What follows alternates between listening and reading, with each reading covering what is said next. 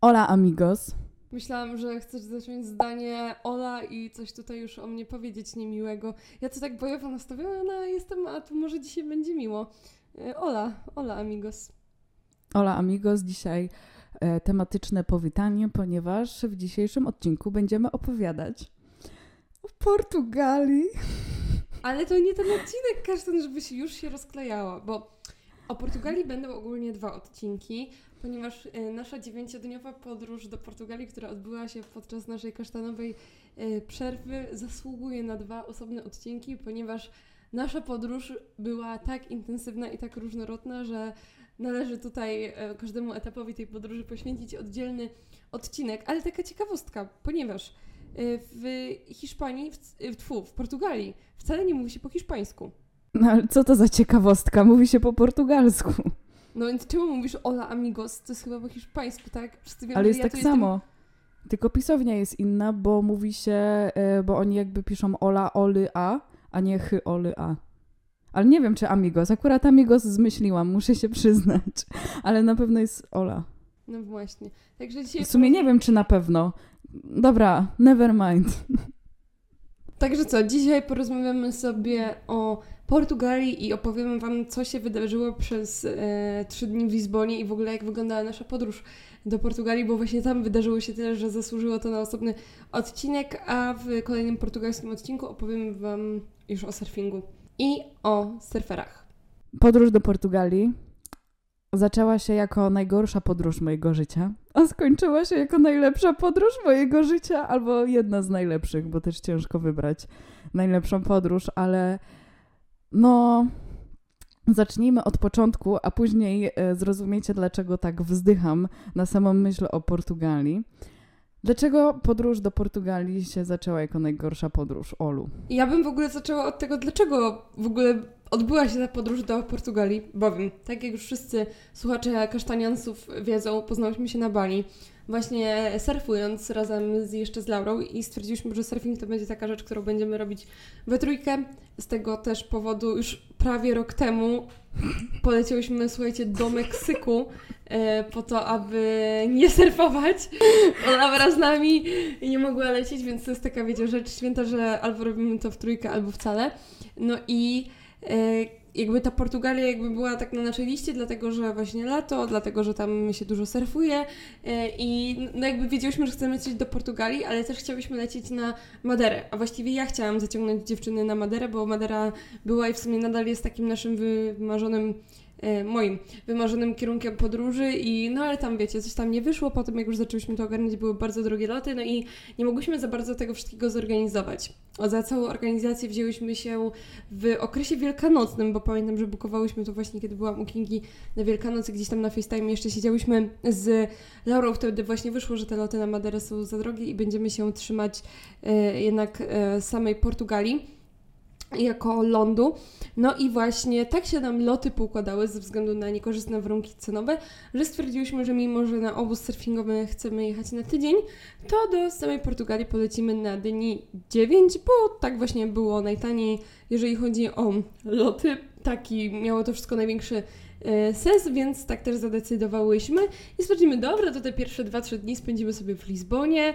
Ja wtedy byłam świeżo po wyjeździe do Lizbony ze względu na portugalskiego um, stewarda, z którym się wówczas spotykałam, więc e, Portugalia na tamten czas była świeżo, no już wtedy nie obecnym, ale tak świeżo po tym, jak nazywałam ją jakimś swoim drugim domem przez moment, albo potencjalnie postrzegałam to miejsce jako drugi dom. Zatem zostało postanowione, że lecimy do Portugalii na dni 9, na 3 dni e, do Lizbony i potem na tydzień pod Lizbonę do miejscowości Kaszkaj na obóz surferski, mieszkać w surferskiej willi do szkółki surfingowej. Potwierdzam. No i co? Nadszedł czas wyjazdu. Od samego początku wyjazd już się zaczynał tragicznie ponieważ e, na lotnisku w Warszawie, a, nie, wróć, kłamie. Od początku, pamiętasz, miałyśmy, e, jak oddawałyśmy walizkę, miałyśmy strasznie miłego e, pana, który nam zabierał te walizki. I mówił, że tak. o, przesiadka w Monachium, o, lecicie do Lizbony, jak fajnie. I tak, już tak fajnie miło było, lecimy sobie na wakacje.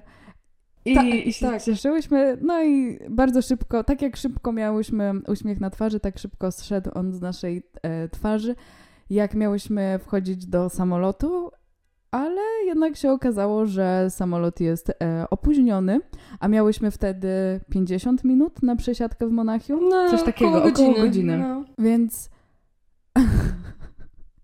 okazało się, że był overbooked flight i albo zostajemy, albo lecimy dalej, ale w końcu nie wiem, czy się zgłosili, czy jakby randomowo wybrali te osoby. Wiesz co, nie wiem, ale ja jeszcze chciałam e, podkreślić, że ja już nigdy więcej nie dam się namówić na takie zapewnienia ze strony pracowników lotniska Chopina, że tak zdążycie na przesiadkę, bo kiedyś właśnie z Laurą z taką dużą naszą 12-osobową ekipą leciliśmy do Barcelony, też z przesiadką bodajże w Curychu yy, i też właśnie jakby leciliśmy, wiecie, tylko z bagażami podręcznymi.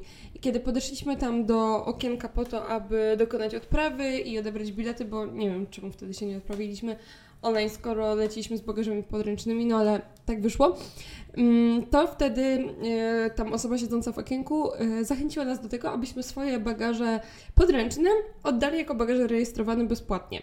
No i zdecydowaliśmy się na tą opcję ze względu w sumie, nie wiem czemu, no teraz z mojego obecnego punktu widzenia wydaje mi się to strasznie głupie, ale wtedy stwierdziliśmy, dobra, nie będziemy dźwigać. A to był czas, kiedy ja, słuchajcie, miałam anginę i byłam na antybiotykach i ten antybiotyk był w tym bagażu podręcznym, który został nadany jako rejestrowany. Oczywiście też y, nas zapewniono, że bagaże zdążą przejechać. Oczywiście bagaże nie przejechały i koniec końców zgubiliśmy 12 walizek. I, ale to, co się tam wtedy działo, ten cały cyrk z odzyskaniem tych walizek, to i tak było nic w porównaniu do tego, co nam, nas właśnie spotkało w Portugalii, bowiem tam y, właśnie długo nie mogliśmy wejść do samolotu, a jak już wyszliśmy, to się okazało, że nasz e, flight jest y, właśnie mm, overbookowany, czyli sprzedano więcej biletów niż docelowo mogło wyjść do samolotu i w takim momencie mi się wydaje, że po prostu zawsze się ktoś zgłasza.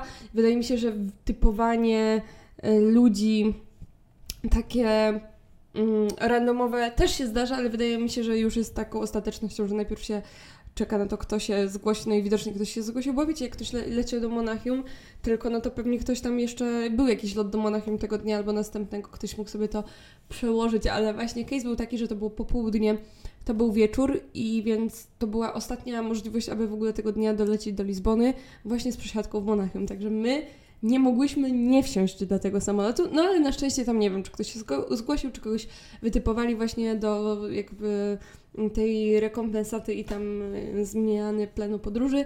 My do samolotu ostatecznie wsiadłyśmy. W tym momencie, kiedy wsiadłyśmy do samolotu, okazało się, że nasz drugi samolot e, skończył się chyba booking i jakby wsiadając do pierwszego samolotu wiedziałyśmy już, że nie zdążymy na drugi samolot. A tak, Pogodziłyśmy się tak, z tym, bo tam że... było tak duże opóźnienie, że my dopiero wylatywałyśmy z Polski w momencie, kiedy my już powinnyśmy być w Niemczech. Tak. Ale na szczęście spokój ducha uratował twój dzienniczek afirmacji. Ej, zapomniałam w ogóle o nim, to znaczy nie zapomniałam o nim, wiadomo, ale zapomniałam o nim, że ja go wtedy w ogóle Wiadomo. zaczęłam. Tak. Słuchajcie, w jakiejś parce PR e, dostałam taki, e, kurde, jak to się nazywa? Jakiś dziennik dobrej myśli. Dziennik afirmacji.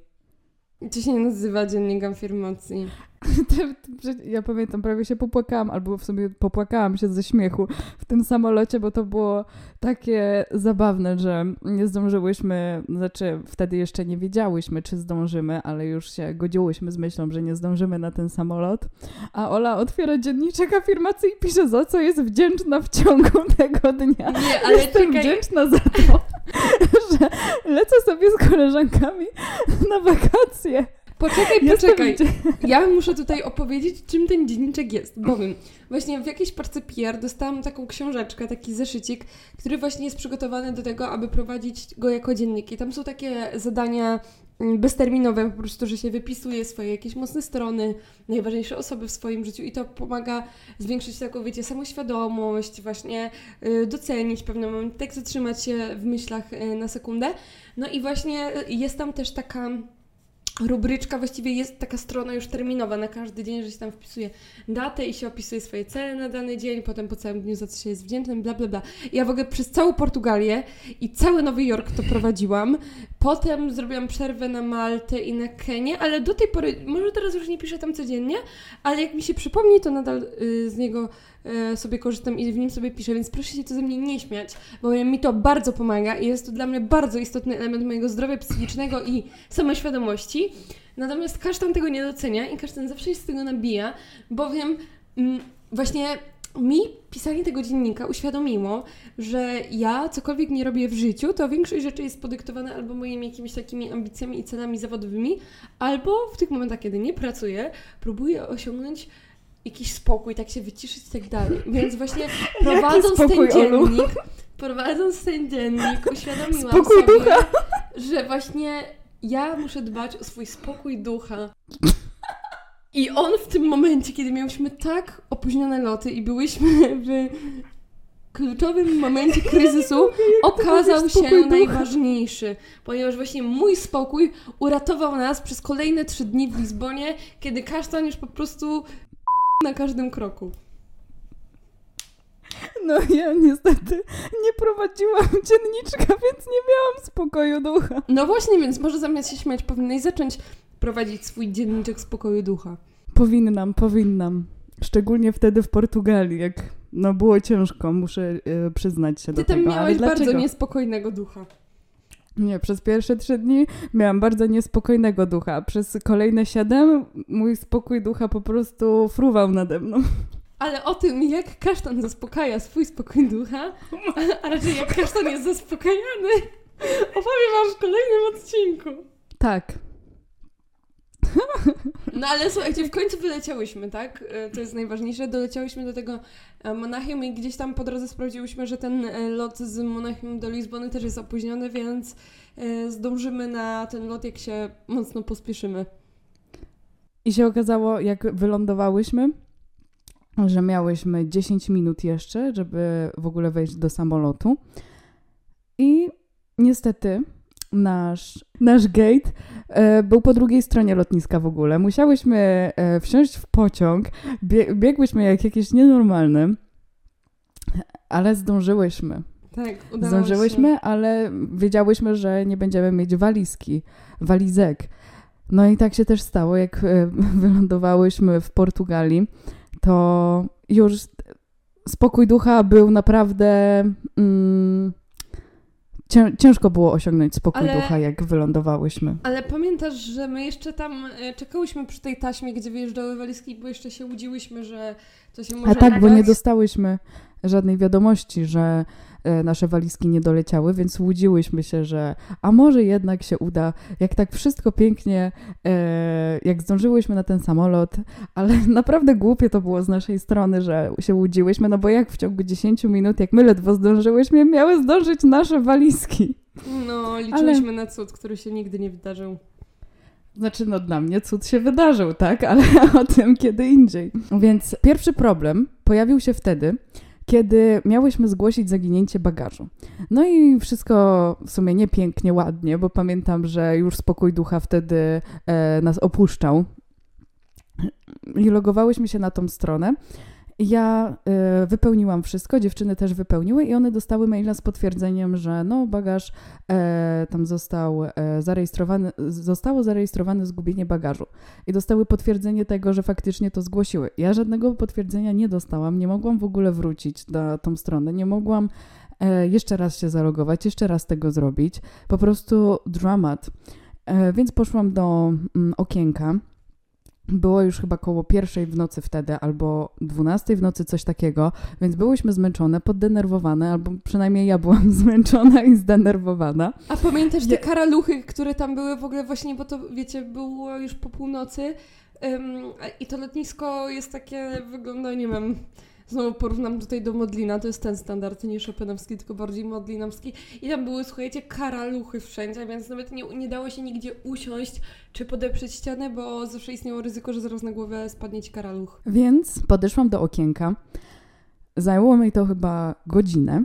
I tutaj warto zapamiętać, że ja nie wpisywałam samodzielnie tych informacji, tak jak dziewczyny to wpisywały, tylko robił to za mnie, e, czy chciałam powiedzieć człowiek, robił to za mnie pracownik lotniska, któremu płacą.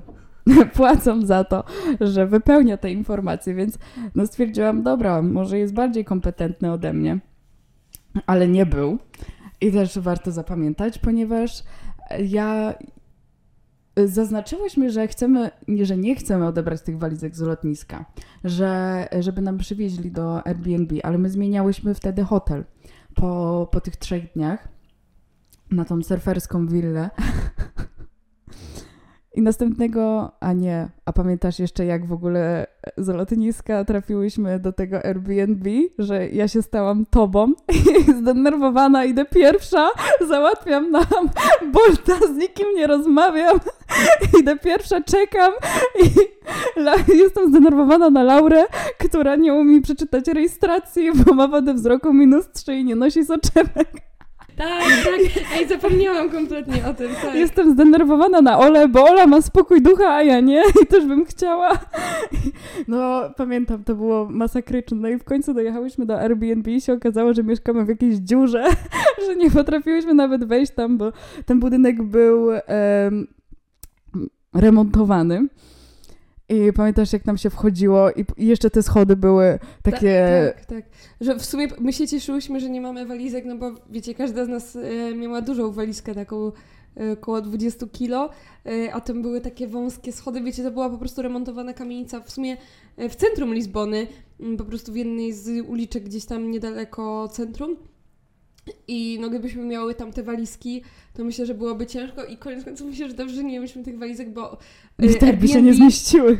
Tak, bo Airbnb bukowała Laura i mm, to był taki pokój i tam była jedna szarowana łazienka chyba na cztery pokoje y, i ten pokój był tak mały, że poza łóżkami tam naprawdę nie było nic. No, nawet te walizki by tam zamknięte stać nie mogły za bardzo. Więc w tamtym momencie stwierdziłyśmy, że a w sumie to dobrze, że nie mamy tych walizek. I mieliśmy I takie, a jutro się znajdą, jutro pewnie przyjadą od razu, bo też na lotnisku nas zapewniono, że um, właśnie wieczorem, kiedy tam Kinga była w okienku i też ja rozmawiałam jeszcze z jednym z pracowników lotniska po tej 12 w nocy, to zapewniono nam nas, że no, nasze bagaże doleciały do Monachium, no nie zdążyły no, przez te 10 minut przesiadki z nami dolecieć do Lizbony, ale jutro z samego rana jest kolejny Nie, dowiedziałyśmy się tego później. Nie powiedzieli nam tego od razu. Wtedy następnego ran, y, dnia rano ja zadzwoniłam i wtedy powiedzieli, że walizki przyleciały. Nie, ja już to wiedziałam wieczorem i dlatego ja o to spytałam od razu, jak jakby ja re rejestrowałam swój bagaż, dlatego zaznaczałyśmy, żeby bagaż do nas przyjechał, bo wiedziałyśmy, że skoro on przyjdzie rano, przyleci rano, to dojedzie do nas koło południa już do naszego e, hotelu, no bo gdyby doleciał nie wiem, tam później no to byśmy sama odbierał, bo to zawsze jest szybciej, jakby samemu odebrać, ale stwierdziliśmy, że skoro zostałyśmy zapewnione, że nasz bagaż przyleci do Lizbony następnego dnia rano, więc powiedzmy za 7 godzin, e, no to za powiedzmy 10 godzin nam e, ten bagaż dowiozą. Nic bardziej mylnego, bowiem budzimy się rano i stwierdziłyśmy, że pojedziemy na to lotnisko same, Dlatego, że no zanim oni nam właśnie przywiozą ten bagaż, no to popełniłyśmy błąd i faktycznie mo może mogłyśmy go odebrać same, bo to będzie e, najszybciej. Także jak się zreflektowałyśmy, to właśnie rano pojechałyśmy na lotnisko i się okazało, bo ja już tak właśnie też miałam doświadczenie po tej Barcelonie, że tam udało mi się jakby no, nielegalnie zrobić coś, co w regule jest nielegalne, ale udało mi się e, przekonać celników, aby wpuścili mnie jakby na płytę lotniska od tyłu wyjściem, żeby tam pójść do tego punktu Lost and Found, który jest przy taśmach, gdzie wyjeżdżają bagaże i odzyskać te walizki. Tak jest w ogóle najszybciej i czasami da się to zrobić. Ale tutaj w Lizbonie nie było takiej możliwości, zwłaszcza, że były podniesione jakby takie wszelkie systemy bezpieczeństwa z racji tej, że były tam wtedy organizowane Światowe Dni Młodzieży i po prostu lotnisko było, słuchajcie, zawalone ludźmi, zawalone księżami, zakonnicami, ludźmi z całego świata, śpiewane były w ogóle piosenki, litanie, e, różańce i jeszcze inne po prostu cuda na kiju. To, co lubisz najbardziej. Tak, więc po prostu ja tam, wiecie, już po prostu na szczęście dzięki dziennikowi miałam spokój ducha, bez niego nie wiadomo, co tam by się działo. No i kazano nam stanąć w kolejce do punktu, gdzie właśnie jakby bo to jest tak, że wiecie, macie linie lotnicze, ale ten transport bagaży z płyty lotniska do samolotu organizuje zawsze jakaś zewnętrzna firma. No i ona tam miała właśnie swojego przedstawiciela, właściwie dwóch przedstawicieli, z czego jeden nic nie robił. I y, Matko, on nawet nie mówił po angielsku. tak, po prostu Ale- stał. I, I wtedy powiedziano nam, że musimy się ust- ustawić w tej kolejce, ale z racji, że właśnie były te Światowe Dni Młodzieży, po prostu wszystkie samoloty były full. Oprócz tego full sezon wakacyjny w Portugalii i w samej Lizbonie, no to po prostu ta kolejka była tak długa, że spędziłyśmy w niej trzy godziny. Ja w międzyczasie poszłam do pobliskiej kawiarni i przyniosłam dziewczynom kawę i pastel de nata. Jeżeli będziecie kiedyś w Portugalii, to gorąco zachęcam Was do spróbowania tego przysmaku. To jest takie ciasto francuskie, taka babeczka jakby z ciasta francuskiego z takim budyniem w środku, coś a la creme brulee, bardzo dobre.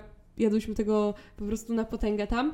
E, No i po staniu 3 godziny w kolejce w okienku powiedziano nam, że tak, nasz bagaż dojechał, ale nie został, doleciał, ale nie został jeszcze zarejestrowany jakby jako bagaż, który doleciał, więc mimo, że tak, on jest już na lotnisku, nie zostanie on nam wydany. Wtedy stwierdziłyśmy, że zmienimy nasze założenie, żeby ten bagaż do nas przyjechał, tylko zmieniliśmy to na. E, Odbiór własny. Poprosiłyśmy panią, żeby nam zmieniła. To też jest ważne w tej historii. Cześć, jeżeli słuchasz właśnie tego podcastu na YouTubie, zostaw proszę kciuka w górę oraz subskrypcję na tym kanale. A jeżeli słuchasz nas na Spotify, pamiętaj o możliwości wystawienia oceny podcastu. I podałyśmy wszystkie trzy numery bagażu. Wszystkie trzy numery i poprosiłyśmy, żeby nam zarejestrowała. Ale oczywiście pani niestety nie zarejestrowała wszystkich trzech. I czyjego nie zarejestrowała? Mojego. Ale my jeszcze o tym wtedy nie wiedziałyśmy. Po prostu zmieniłyśmy em, rejestrację wszystkich trzech bagaży na odbiór własny i pani zagwarantowała nam, że w momencie, w którym oni już te bagaże tam zarejestrują, że są na lotnisku, dostaniemy maila i dostaniemy SMS-a.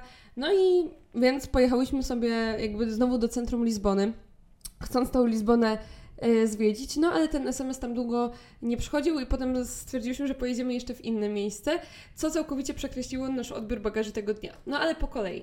Wiemy już, że prędko bagażu nie odzyskamy, że ta rejestracja trochę potrwa, więc wracamy sobie do centrum Lizbony i stwierdziliśmy, że wykorzystamy moją historię z portugalskim e, stewardem i tego, że znam Lizbonę, znam fajne miejsca i słuchajcie, bez e, znajomości adresu i nazwy restauracji trafiłam, w ogóle nie wiem jakim cudem, do dokładnie tej restauracji, w której z nim byłam, na przepyszne, tradycyjne portugalskie jedzenie. Ja myślę, że duch nad tobą czuwał dzięki dzienniczkowi. Dlatego trafiłyśmy. Spokojny duch. Spokojny duch nad tobą czuwał.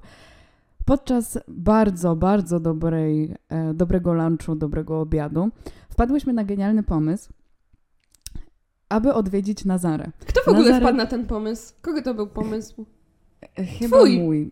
Twój. No oczywiście, że kasztana. Kogo innego? Ale jaka ty byłaś chętna? Tak, pewnie, jedźmy, super. Od razu zaczęłaś sprawdzać, jak tam dojechać, sprawdzać, e, ile kosztują bilety. Zarąbisty pomysł, jedziemy, dawajcie dziewczyny. No ale dlaczego? W ogóle jeszcze wracając do tego chodzenia po Lizbonie, to tutaj powiem Wam, że ja naprawdę byłam em, sama pozytywnie zaskoczona swoimi umiejętnościami, że no wiecie, jak tam pierwszy raz poleciałam do tego Portugalczyka i z nim chodziłam po tej Lizbonie, no to jakby nie przykuwałam takiej uwagi do miejsc, do adresów. Czasami tam, wiecie, jak robiłam Wam storiesy, które są by the way w zapisanej relacji u mnie na Instagramie, no to tam go pytałam, jak to miejsce się nazywało, żeby tam Wam oznaczyć, polecić, ale jakby de facto nie mapowałam sobie wszystkiego w głowie, no bo to nie ja organizowałam, jak to mam w zwyczaju. E, Wobec tego byłam zaskoczona, że naprawdę dałam radę dziewczynom pokazać kawał Lizbony z głowy i z intuicji gdzieś tam z mojej pamięci fotograficznej. Jeżeli chodzi jeszcze o tą restaurację, słuchajcie, to e, był to, jest to oznaczone właśnie na story, to to jest taki malutki bar mleczny, e, lokalny, w którym podają przepyszne mięsa, bo właśnie coś, co w kuchni portugalskiej poza pastel de natą najbardziej mnie urzekło, to właśnie te mięsa, także polecam i ośmiornice też mają bardzo dobre.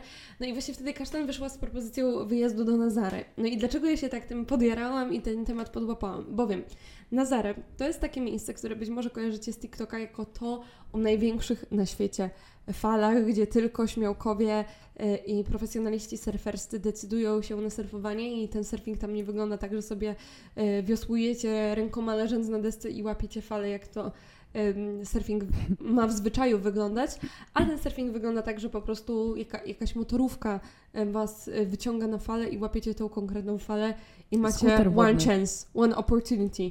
Po prostu jeżeli zwalicie, to już po Was. W ogóle ty, Kasztan, wiesz czemu tam są takie fale? To są jakieś ruchy płyt tektonicznych, tak? Ale przypomniało mi się jeszcze, wracając do tego, co powiedziałaś, quote of the day. Waves are like women. When you choose bad, they will kill you. Ale nie spoileruj, nie spoileruj, to w kolejnym odcinku Ale idealnie nawiązuje do tego, co powiedziałaś, że e, macie tylko jedną szansę, a jak nie, no to fala może faktycznie zrobić wam krzywdę albo możecie zginąć po prostu. I mi się przypomniało quote of the day, ale więcej o quotes of the day w drugim odcinku o Portugalii. Dlaczego Nazare? Ponieważ e, w Nazare, znaczy teraz dokładnie tego nie pamiętam, ale jest serial na e, HBO. Chciałam powiedzieć HBO, ale Ola zawsze się śmieje, jak mówię HBO. Więc na HBO jest e, serial, który się nazywa 100. W sumie nie pamiętam, jak się nazywa. O Nazare jest serial. Jak piszecie sobie na HBO serial o Nazare na HBO. Na pewno Wam się wyświetli. No i właśnie to miejsce jest takie szczególne, ponieważ z tego, co kojarzę, to tam przez to, że są klify, to yy, piasek jakby, piasek pod tym, w sumie nie, w sumie nie pamiętam. Zmyśliłabym, jakbym teraz zaczęła udawać, że wiem, a tak naprawdę nie wiem. Chodzi o to, że to jest blisko klifów, no i te fale jakby nie są takie fale jak na Hawajach, czyli że są regularne, tylko po prostu łamią się w połowie i nachodzą na siebie. I też to zauważyłyśmy, e, jak surfowałyśmy w tej innej miejscowości, że te fale w ogóle nie są regularne i na przykład to jest takie dziwne, ponieważ macie falę, ta fala e, zamiast się załamywać tak idealnie, to nagle druga fala na nią nachodzi i te fale, nie nie wiem, nagle znikają. Tak, tak, Ale naprawdę. na pewno się, jest... No to się tak wydaje, że ocean... Y, jak to ocean, a powiem wam, że... Spokojny, mamy... a jednak niespokojny, bo nie prowadzi dzienniczka jak ja. Exactly, a ja mam w ogóle wrażenie, że no mamy już doświadczenie surfowania na dwóch różnych oceanach i to naprawdę czuć y, kolosalną e, różnicę, bo właśnie nie dość, że Atlantyk, w którym surfowałyśmy, słuchajcie, był strasznie zimny, byłyśmy tam latem, a no bez takiej pianki ciepłej, wiecie, takiej z długim rękawem i z długą nogawką naprawdę było zimno. Potem się już człowiek po tygodniu prze, mm, przyzwyczaja, ale to też, no dobra, to wrócimy do tego tematu w drugim odcinku, ja już opowiem tam o moim zderzeniu i zaburzeniu spokoju ducha. A jeszcze wracając do tych fal, to ja największe fale do tej pory, słuchajcie, chyba widziałam na Mauritius, bo zazwyczaj wyspy są tak zbudowane, że z jednej strony macie e, laguny, ładne plaże i tak dalej, a druga część e, wyspy jest bardziej taka skalista e, z klifami i właśnie z falami. To wynika po prostu z, z wiatru i, i, z ruchów oceanu. To właśnie w, na Mauritiusie widziałam takie ogromne fale, że po prostu, wiecie, stało się na takim klifie, ta woda uderzająca z dużym takim powerem tworzy tam różne, różne wyżłobienia, jaskinie, te klify się urywają i tam no, po prostu kształtuje ten teren, to wybrzeże. I tam te fale naprawdę były ogromne, że jak ta woda waliła w te klify, to po prostu no, powstawały wręcz takie e, gejzery. No i tam na Zarę się to samo. Jakby pewnie tutaj się znajdzie ktoś, kto nam to mądrzej wytłumaczy, albo my sobie e, ponownie to doczytamy, bo gdzieś tam nam to właśnie umknęło, ale chodzi o to, że tam jest właśnie taki mm, jakby półwysep jakby te klify, wiecie, się tak zderzają i wychodzą tak ym, do przodu, co, co daje po prostu taki, no właśnie półwysep jakby y, na klifie i chodzi o to, że właśnie to gdzieś tam pod wodą też jest takie nierówne ukształtowanie terenu i podczas surfingu właśnie powiem Wam, że to są mega niebezpieczne sytuacje, że właśnie jak jesteście na jednej fali, a obok Was w kierunku, w którym surfujecie, tworzy się równoległa fala, to jak dochodzi do momentu, gdzie stoicie na desce i te dwie fale się łączą, a nie są jedną falą, to jest po prostu over. I my takich sytuacji doświadczamy na, nie wiem, półtora, dwumetrowych falach, E, No a wyobraźcie sobie, że te fale w Nazare sięgają e, na przykład metrów 15. Mm, Także myślę, że to nakreśla tutaj niebezpieczeństwo i my ogólnie wiedziałyśmy, że em, teraz w sezonie letnim też ze względu na temperaturę te fale tam nie występują aż takie duże, dlatego też surfuje się o takich godzinach, kiedy, no nie wiem jaki jest wpływ temperatury na falę, ale widocznie to działa, e, że latem właśnie tych fal dużych nie ma, tylko są one w sezonie jesienno-zimowym. E, Ale chciałyśmy po prostu zobaczyć to miejsce, no bo już będąc tutaj obok, e, grzechem by było nie skorzystać, więc tam e, ja od razu ogarnęłam, gdzie jest jakiś dworzec, gdzie, gdzie jest właśnie e, dojazd. Też prawie tam się spóźniłyśmy na ten dworzec, też nam się spieszyło w ogóle, bo musiałyśmy wrócić na chwilę e, do naszego apartamentu, zostawić rzeczy, jechać na ten dworzec, bla, bla, bla, bla, bla. Dobra, wsiadłyśmy do autobusu i wyobraźcie sobie to, taki wiecie, Flixbus. Do Nazara jechało się dwie godziny i wyobraźcie sobie nasze zdziwienie, kiedy wyjeżdżamy dosłownie, ruszamy tym autobusem. Wyjeżdżamy z Lizbony. Ja i Laura w jednej sekundzie dostajemy SMS-a o tym, że nasze walizki są gotowe do odbioru. A my z Lizbony właśnie wyjeżdżamy i nie ma możliwości, żebyśmy w tej sekundzie zawróciły na lotnisko. Ogólnie jesteśmy już, wiecie, po nocy i po poranku, jest już połowa dnia, więc mija mniej więcej 24 godziny od kiedy wyruszyłyśmy z Warszawy.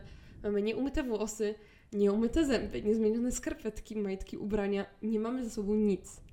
I Wciąż w tych samych ciuchach. tak, wciąż w tych samych ciuchach, no dosłownie tak samo jak wyleciałyśmy i no mogłyśmy kupić jakąś tam, nie wiem, szczoteczkę pasty do zębów w sumie, ale wiecie, my ciągle żyłyśmy z przeświadczeniem rano wychodząc z domu, że zaraz te walizki odzyskamy, co się nie stało. A już potem, no nie wracałyśmy do domu, a potem jak wróciłyśmy, to tylko na chwilę, żeby jechać do tego Nazara, więc po prostu, no to jest tak upadlające w ogóle uczucie e, człowieka, że powiem Wam, że my, na przykład w moim życiu ta, tamten moment zrewolucjonizował w ogóle to, jak patrzę na takie os, os, osoby biedniejsze, bezdomne, e, czy właśnie jak jestem w jakichś takich krajach tak zwanych trzeciego świata, kiedy e, widzę ludzi, którzy nie mają takiego stałego dostępu do komfortu i higieny, jak my mamy, to jest naprawdę ogromnie upadlające uczucie, które niesamowicie wpływa na poczucie własnej wartości. I co z tego, że na ramieniu mam torbę Louis Vuitton i mam gdzieś tam na sobie ładne, czyste, nowe, w ogóle białe dresy, gdzieś tam wiadomo po, pobrudzone, bo białe w podróży noszone 24 godziny.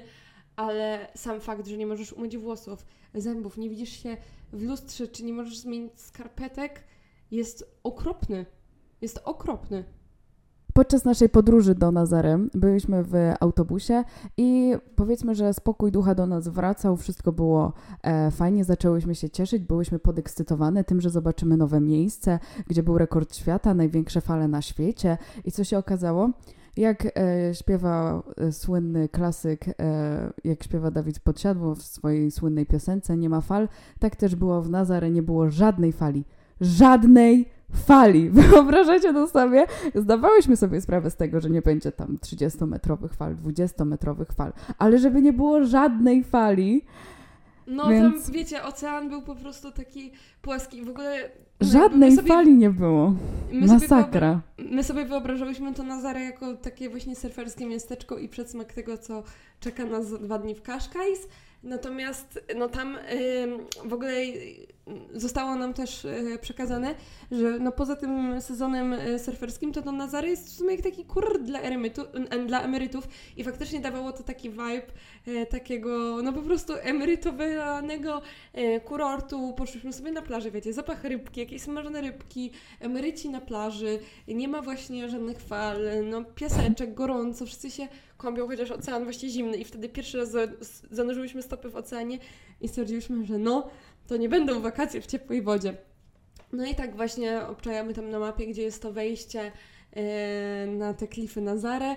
No i się okazało, że wystarczy przejść plażą do właśnie momentu wzgórza i tam jest kolejka, która na to wzgórze wyciąga.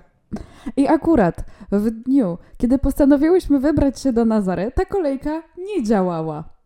Robili tam jakieś, nawet nie wiem, po prostu czy się popsuła, czy ją na, naprawiali, no nieważne. Nie działała. Więc musiałyśmy znaleźć inny środek komunikacji, żeby się tam dostać, ponieważ nie wiem, ile by się tam szło.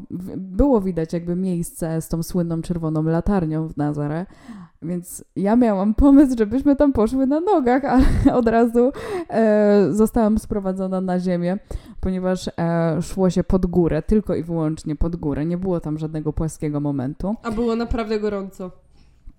Ale chyba ta pani nam powiedziała, że e, ta pani e, pod kolejką powiedziała nam, że jeżdżą autobusy na samą górę, więc możemy po prostu wsiąść do autobusu i pojechać na tą kolejkę. Ale, Znaczy na górę. ale autobus jeździł raz na 40 bodajże minut i najbliższy był za 10 minut. Natomiast nasza odległość spacerem od przystanku stanowiła minut 15, więc stwierdziłyśmy, że nie będziemy czekać y, tak długo na kolejny autobus, tylko pobiegniemy na ten autobus, który, guess what, nie przyjechał.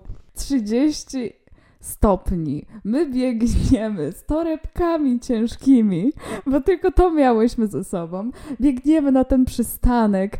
Nawet nie wiedziałyśmy, czy to ten przystanek, ale e, widziałyśmy, że tam inne osoby stoją, więc mówimy, jest, udało się. No i tak mija jedna minuta po czasie, kiedy ten autobus miał przyjechać. A dobra, zaraz przyjedzie. I już widzimy, że nadjeżdża autobus i po prostu przejeżdża przez ten przystanek, nie zatrzymuje się, bo to nie był ten autobus. To był normalny autobus z turystami, a nie autobus z, komunikacją miejską. Więc nie przyjechał, czekałyśmy, e, czekałyśmy. Nawet tam nie było żadnego miejsca, gdzie e, mogłybyśmy usiąść w cieniu. Było strasznie ciepło, byłyśmy wymęczone, naprawdę. E, spocone, w tych samych ubraniach. Dru- e, prawie drugi dzień już się zbliżał, ale dobra. Po tam, nie wiem ilu minutach, 20, 30, przyjechał ten autobus, wjechałyśmy na górę. Okazało się, że nie ma żadnych fal, ale po prostu siedziałyśmy sobie, oglądałyśmy nawet nie zachód słońca, ponieważ zaraz dojdziemy do tego, dlaczego nie mogłyśmy zostać na to, żeby oglądać zachód słońca, ale pamiętam, że właśnie e, jak miałyśmy tyle tych przeciwności losu, to jednak potrafiłyśmy usiąść i mieć naprawdę bardzo e, znaczącą konwersację. Bardzo fajnie się wtedy rozmawiało, siedząc i po prostu oglądając e, ocean bez żadnych fal. To pamiętam, że właśnie miałyśmy wtedy taką e, ciekawą, szczerą rozmowę. A pamiętasz, jak Laura jeszcze tam y, sobie nagrywałyśmy... Jak sobie nagrywałyśmy na tych klipach i Laura się poślizgnęła i prawie spadła w tą otchłań na Zarę.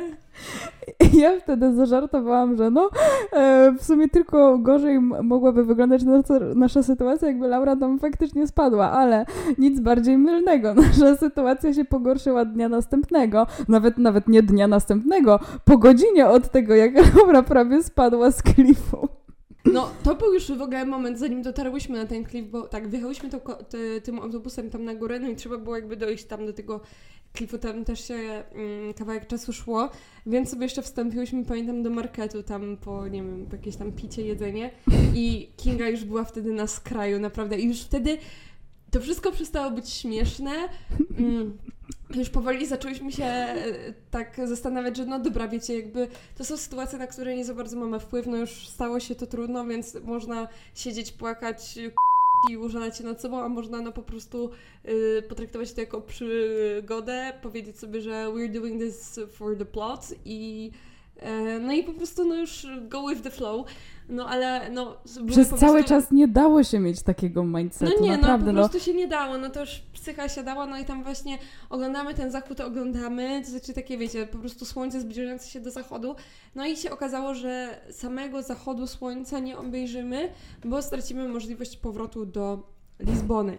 Mm, I udało nam się tam za dosłownie jakiegoś Euraska e, złapać taką kolejkę, która tam nas zwoziła. Trafiliśmy w ogóle na super ludzi w tej kolejce, z którymi sobie tam gadaliśmy. Jeden Meksykanin, drugi jakiś Amerykanin, coś tam, coś tam, coś tam. No i y, ten pan prowadzący ten pojazd podwiózł nas w ogóle ponadprogramowo tam, gdzie chciałyśmy, bo my chciałyśmy złapać taksówkę, żeby dojechać do miasta obok Nazarę, skąd miał odjeżdżać jakiś tam pociąg, który miałyśmy dojechać do Lizbony. Dobrze pamiętam, prawda? Tak. No i właśnie stwierdziłyśmy, że no dobra, wysiadłyśmy tam, gdzie trzeba, więc pora złapać taksówkę. I co się okazało? Okazało się, że wyszukując w Google i w Google Maps, w teorii w Nazarę są taksówki. Ale w praktyce... Ale akurat znowu nie w tym dniu, kiedy my byłyśmy w Nazarę. Okazało się, że nawet znalazłam jedną taksówkę na ulicy, gdzieś tam zaparkowaną, wiecie, były jakieś postoje taksówek, ale nie było tam żadnego człowieka, po prostu żywej duszy w tym mieście emerytów. Żadna taksówka nie Bez jeździła, taksówek. żaden numer nie odbierał, a jak ktoś odebrał, odmawiał nam przyjazdu, a skorzystanie z aplikacji typu Uber sprawiało, że ta taksówka musiała po nas przyjechać właśnie z jakiegoś sąsiedniego miasta oddalonego o 40 czy 50 minut, żeby nas dopiero zgarnąć, więc to przekreśliło w ogóle nasze szanse na dostanie się do tego miasta, które było oddalone jakieś 15-20 minut od Nazare. Bo jeżeli, bo my mieliśmy około 40 minut, no 40 minut zajmowało, żeby ta taksówka po nas przyjechała, więc no nie było żadnej opcji, żebyśmy zdążyły złapać pociąg. Sprawdziłyśmy autobusy, sprawdziłyśmy wszystkie inne możliwości połączenia. Nie było już żadnej opcji powrotu tego dnia do Lizbony. I jedyne, co nam zostało, to zamówienie taksówki. Z Nazary do Lizbony. Dwie godziny Problem drogi. polegał- Dwie godziny Problem- drogi samochodem. Problem polegał na tym, że taksówka kosztowała 180 euro. Dobrze słyszycie? 180 euro. W tamtym momencie naprawdę spokój ducha nas wszystkich opuścił. Był, była chwila e, załamania, ale szybko, jak już pamiętam, że ty nawet nie miałaś e, tyle euro na koncie i musiałaś robić przelew i się śmiałaś, zaczęłaś się w tamtym momencie śmiać, że ta taksówka jest taka droga, że nie masz tylu nawet pieniędzy na koncie. Tak, ale w ogóle powiem Wam, że jak ja zawsze mówiłam, że o ja tak też lubię podróżować, bo spotykam mega dużo miłych ludzi na swojej drodze i jestem w czepku urodzona, zawsze mam szczęście, to powiem Wam, że nie wiem, czy to jest jakiś po prostu sygnał od świata, mm, jak powinnam go interpretować, ale w to lato, w tym sezonie moim podróży naprawdę życie mnie przetestowało pod kątem i ludzi spotkanych gdzieś tam na drodze podczas podróży. No, na Bali też, ale to może był tylko taki jakiś trial przed tym, co się wydarzyło w te wakacje. I w stosunku do sytuacji, e, które mnie spotkały podczas podróży, i większość z tych sytuacji właśnie była taka o podłożu finansowym, że gdybym, e, wiecie, no zawsze się gdzieś tam staramy pod, podróżować, może nie zawsze mega budżetowo, no ale zawsze mamy jakiś założony budżet, a to po prostu ostatnio co wyjazd spotykały mnie takie bomby, które wymagały ode mnie jakichś większych nakładów pieniędzy i gdyby nie to, że je posiadałam i nie dość, że mogłam założyć za siebie, to za innych, to naprawdę można by było być w naprawdę ciemnej, ciemnej dupie i to właśnie była jedna z takich e, sytuacji e, i, i chyba właśnie pierwszy z nich to był pierwszy wyjazd tego sezonu i, no i taki, tacy naprawdę były, mm, taki, no przetyrał nas po prostu. I też jakby nie dość, że trzeba było wyłożyć te 180 euro na stół, żeby dojechać do Lizbony i taksówkarz nas w ogóle jeszcze namawiał, żeby mu dać jakiś napiwek i A to by się rozładował telefon wtedy. tak, I w ogóle był taki mega dziwny, ten taksówkarz, dosyć e, nieprzyjemny. Tak, ale, Ale- co chciałam jeszcze powiedzieć, to że wracając za tą niebotyczną kwotę do Lizbony, już też wiedziałyśmy, że jest na tyle późna godzina, że nie zdążymy dzisiaj na kolejną noc odebrać swoich walizek. Więc szykowała nam się kolejna noc bez niczego. I też stwierdziłyśmy, że przez to, że ta taksówka kosztowała nas prawie 800 polskich złotych, taksówka, wyobrażacie to sobie? Taksówka za prawie 800 złotych, po prostu no każdego, nawet Jezusa Chrystusa by opuścił spokój ducha w takiej sytuacji. Spoko, ja ostatnio na Rodos też płaciłam ponad 400. Ale a, no tak, bo wtedy, ty wtedy byłaś sama, no to jeszcze bardziej cię zabolało, bo tak no to No, tu na dzieliłyśmy trzy. 800 na 3. Więc stwierdziłyśmy, że przez to, że ta cena jest taka ogromna za taksówkę, to nie podjedziemy do samego do samego naszego Airbnb, tylko dojedziemy do obrzeża Lizbony. Każdy cent 12 był na wagę złota, każdy cent.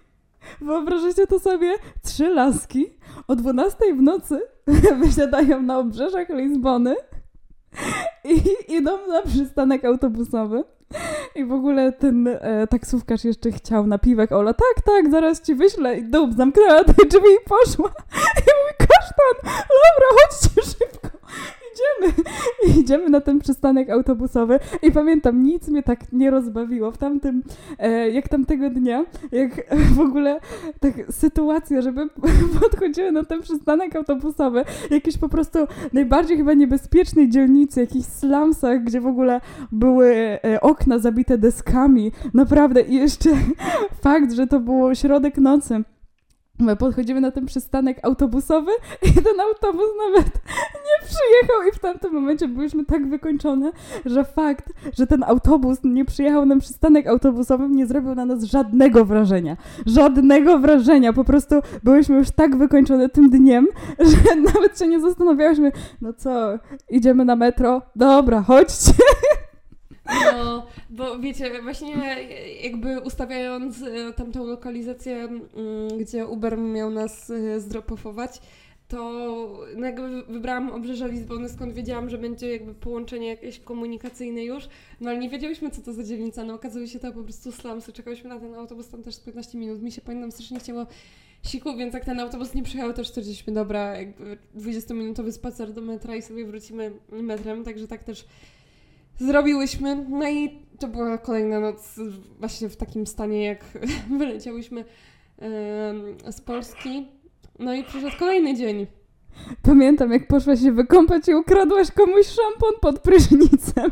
Tak, ktoś zostawił szampon taki... pod prysznicem i to mnie uratowało, bo ja już po prostu... Ja wiecie, ja nie mam problemu z chodzeniem na... bez makijażu i tak dalej, no gdzieś tam w większości podcastów, wiecie, nagrywamy w domu w takich warunkach domowych, takie jest też założenie, żeby to była rozmowa dwóch e, psiawsiu, więc, więc jestem bez makijażu i to, to nie stanowi dla mnie problemu, ale właśnie nieumyte włosy to jest jakby taki ik dla mnie, że no ja po prostu, ja mogę być nago, mogę być bez makijażu, mogę mieć znowu trądzik, ale włosy muszę mieć umyte, więc fakt, że chociaż znalazłam tą resztkę szamponu pod prysznicem, bo też już było za późno, żeby pójść do sklepu i kupić jakiś szampon, bo to już był ten moment, kiedy się pogodziłam z brakiem bagażu i już bym poszła do sklepu po szampon, nie wiem, po majtki, skarpetki, po pastę i szczoteczkę do zębów, chociaż jedną na trzy, no to to, że znalazłam ten szampon, ja naprawdę, ja się czułam, wiecie, no nie wiem, to, czy to, to porównanie nie będzie obraźliwe, ale nie mam takiego zamiaru, że tak jak no po prostu ludzie na ulicy proszą o cokolwiek, to ja się tak czułam, że po prostu, wiecie, znalazłam ten szampon pod prysznicem i to było dla mnie złoto. Także słuchajcie, znaleziony szampon był po prostu dla mnie najwspanialszym, co mi się w tamtym momencie e, przydarzyło. No i kolejnego dnia już stwierdziliśmy od razu rano, rura, zdajemy już nasz, e, nasze to Airbnb, bo to był już ten dzień, kiedy miałyśmy dojechać e, do naszej willi surferskiej, bo następnego dnia już zaczęły, zaczynałyśmy surfować, więc bierzemy bagaże i rura w końcu do Kaszkaj. Odcinamy to pasmo nieszczęść grubą kreską. I następnego dnia rano właśnie stwierdziłam, że e, no przez to, że jeszcze wtedy miałam okres, więc naprawdę spokój ducha mnie opuścił. Naprawdę spokoju ducha wtedy nie miałam, więc Spokój ducha że... cię nie opuścił, bo ty go w ogóle nie miałaś. no, żeby ktoś mnie opuścił, najpierw muszę mieć.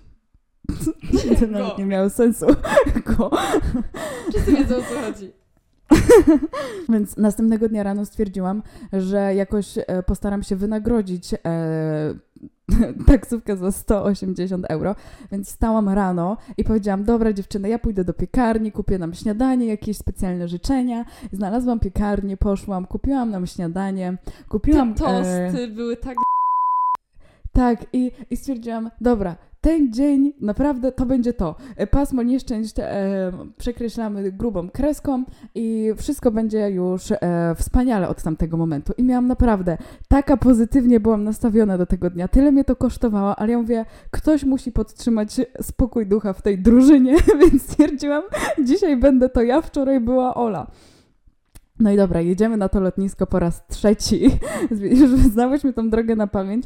Jesteśmy na lotnisku i wchodzimy, patrzymy, nie ma żadnej kolejki. Ja mówię, dziewczyny, super, nie ma żadnej kolejki, będzie to wspaniały dzień. Pójdziemy surfować jutro. E, tak, bądźmy pozytywnie nastawione, na pewno będą nasze walizki. Idziemy do tego okienka i tak jak byłam pozytywnie nastawiona, w tym okienku, tak jakby szybko to... Mm, Szybko to się zmieniło, ponieważ w tym okienku okazało się, że tak, walizki przyjechały, tak, są na lotnisko, ale nie, nie ma wszystkich walizek. Oczywiście nie ma mojej walizki. I co więcej, i w ogóle w tamtym momencie już chciałam płakać, naprawdę. Jakby to było taka gwóźdź do trumny. Ja mówię, nie, nie, jeszcze ta taksówka, ale ja mówię, dobra, trzeba być twardym, a nie miętkim. Specjalnie mówię miętkim, jak rozgotowany makaron. E, Another quote of the day. I e, się pytam, no dobra, no ale gdzie jest moja walizka? Kurier ją wziął i jedzie właśnie do Airbnb, które już opuściłyśmy. Ja mówię, no ale przecież byłam tutaj e, w tym okienku i zmieniałam specjalnie, żeby odebrać na lotnisku. O, ale nie wiem. I potem dziewczyny poszły odebrać walizkę i spotkały tą babkę, która faktycznie wtedy zmieniała nam tą rejestrację bagażu. O I ta babka no, zaczęła się zapomniałam o niej, ona tłumaczyć. była- I ta babka zaczęła się tłumaczyć, że ona w sumie nie wie, co się stało, że e, przecież ona zaznaczyła wszystkie, jakiś błąd i w ogóle e, to nie jest jej wina, na pewno.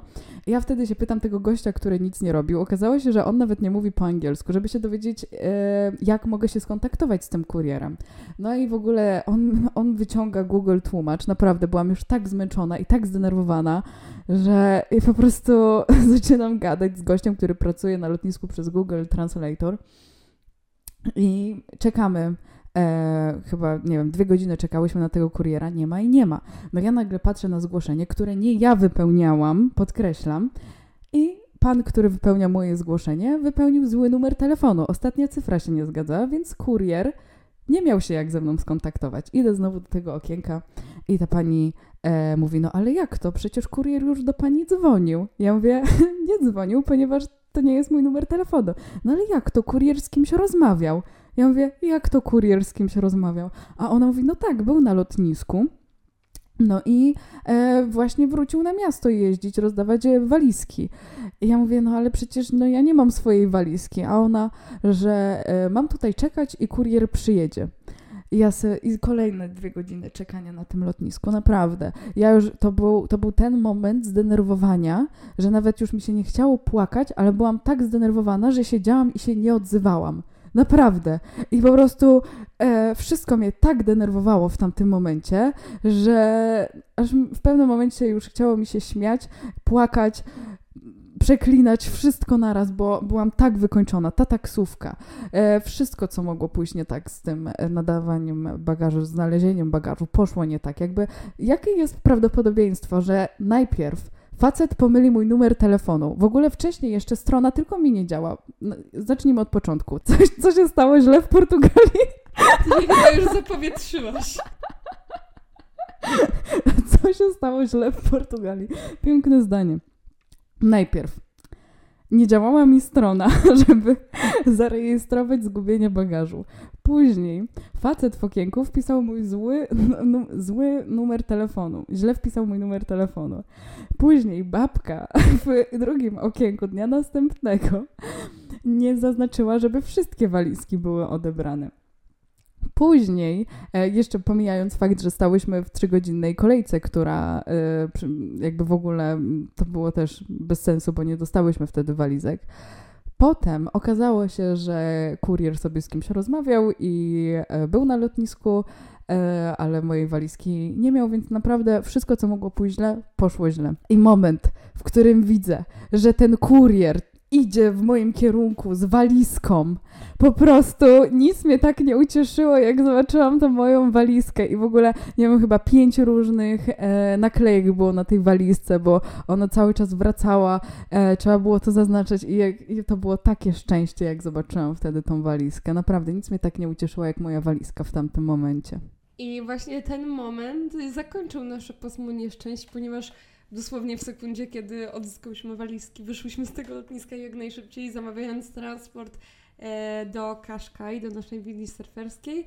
E, ja w ogóle po drodze pamiętam, że zasnęłam, bo byłam już tak wykończona tym wszystkim i e, no już się nie mogłam doczekać, żeby się wykąpać i pamiętam, że ten pierwszy e, prysznic, ubranie się w swoje rzeczy i w ogóle no już życie takie na poziomie jeszcze w tej surferskiej willi, która nas od początku e, zachwyciła i, i w ogóle wszystko nas tam od początku zachwyciło, już było takim, no już się zaczęło robić wszystko dobrze powoli, no chociaż nie, przypomniało mi się jeszcze jak wracałyśmy z zakupów.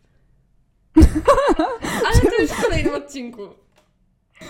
Tak, jeszcze zakupy mm, zaliczają się do pasma nieszczęść. Ale to już Ale- e, będzie w odcinku Kaszkaj, czyli w kolejnym odcinku o Portugalii. Wyobraźcie sobie chodzić w tych samych ubraniach przez trzy dni, bez w bagażu, po centrum Lizbony. Naprawdę to było ciężkie. A później byliśmy, byłyśmy w wspaniałej surferskiej willi i przyjechała grupa sześciu Włochów.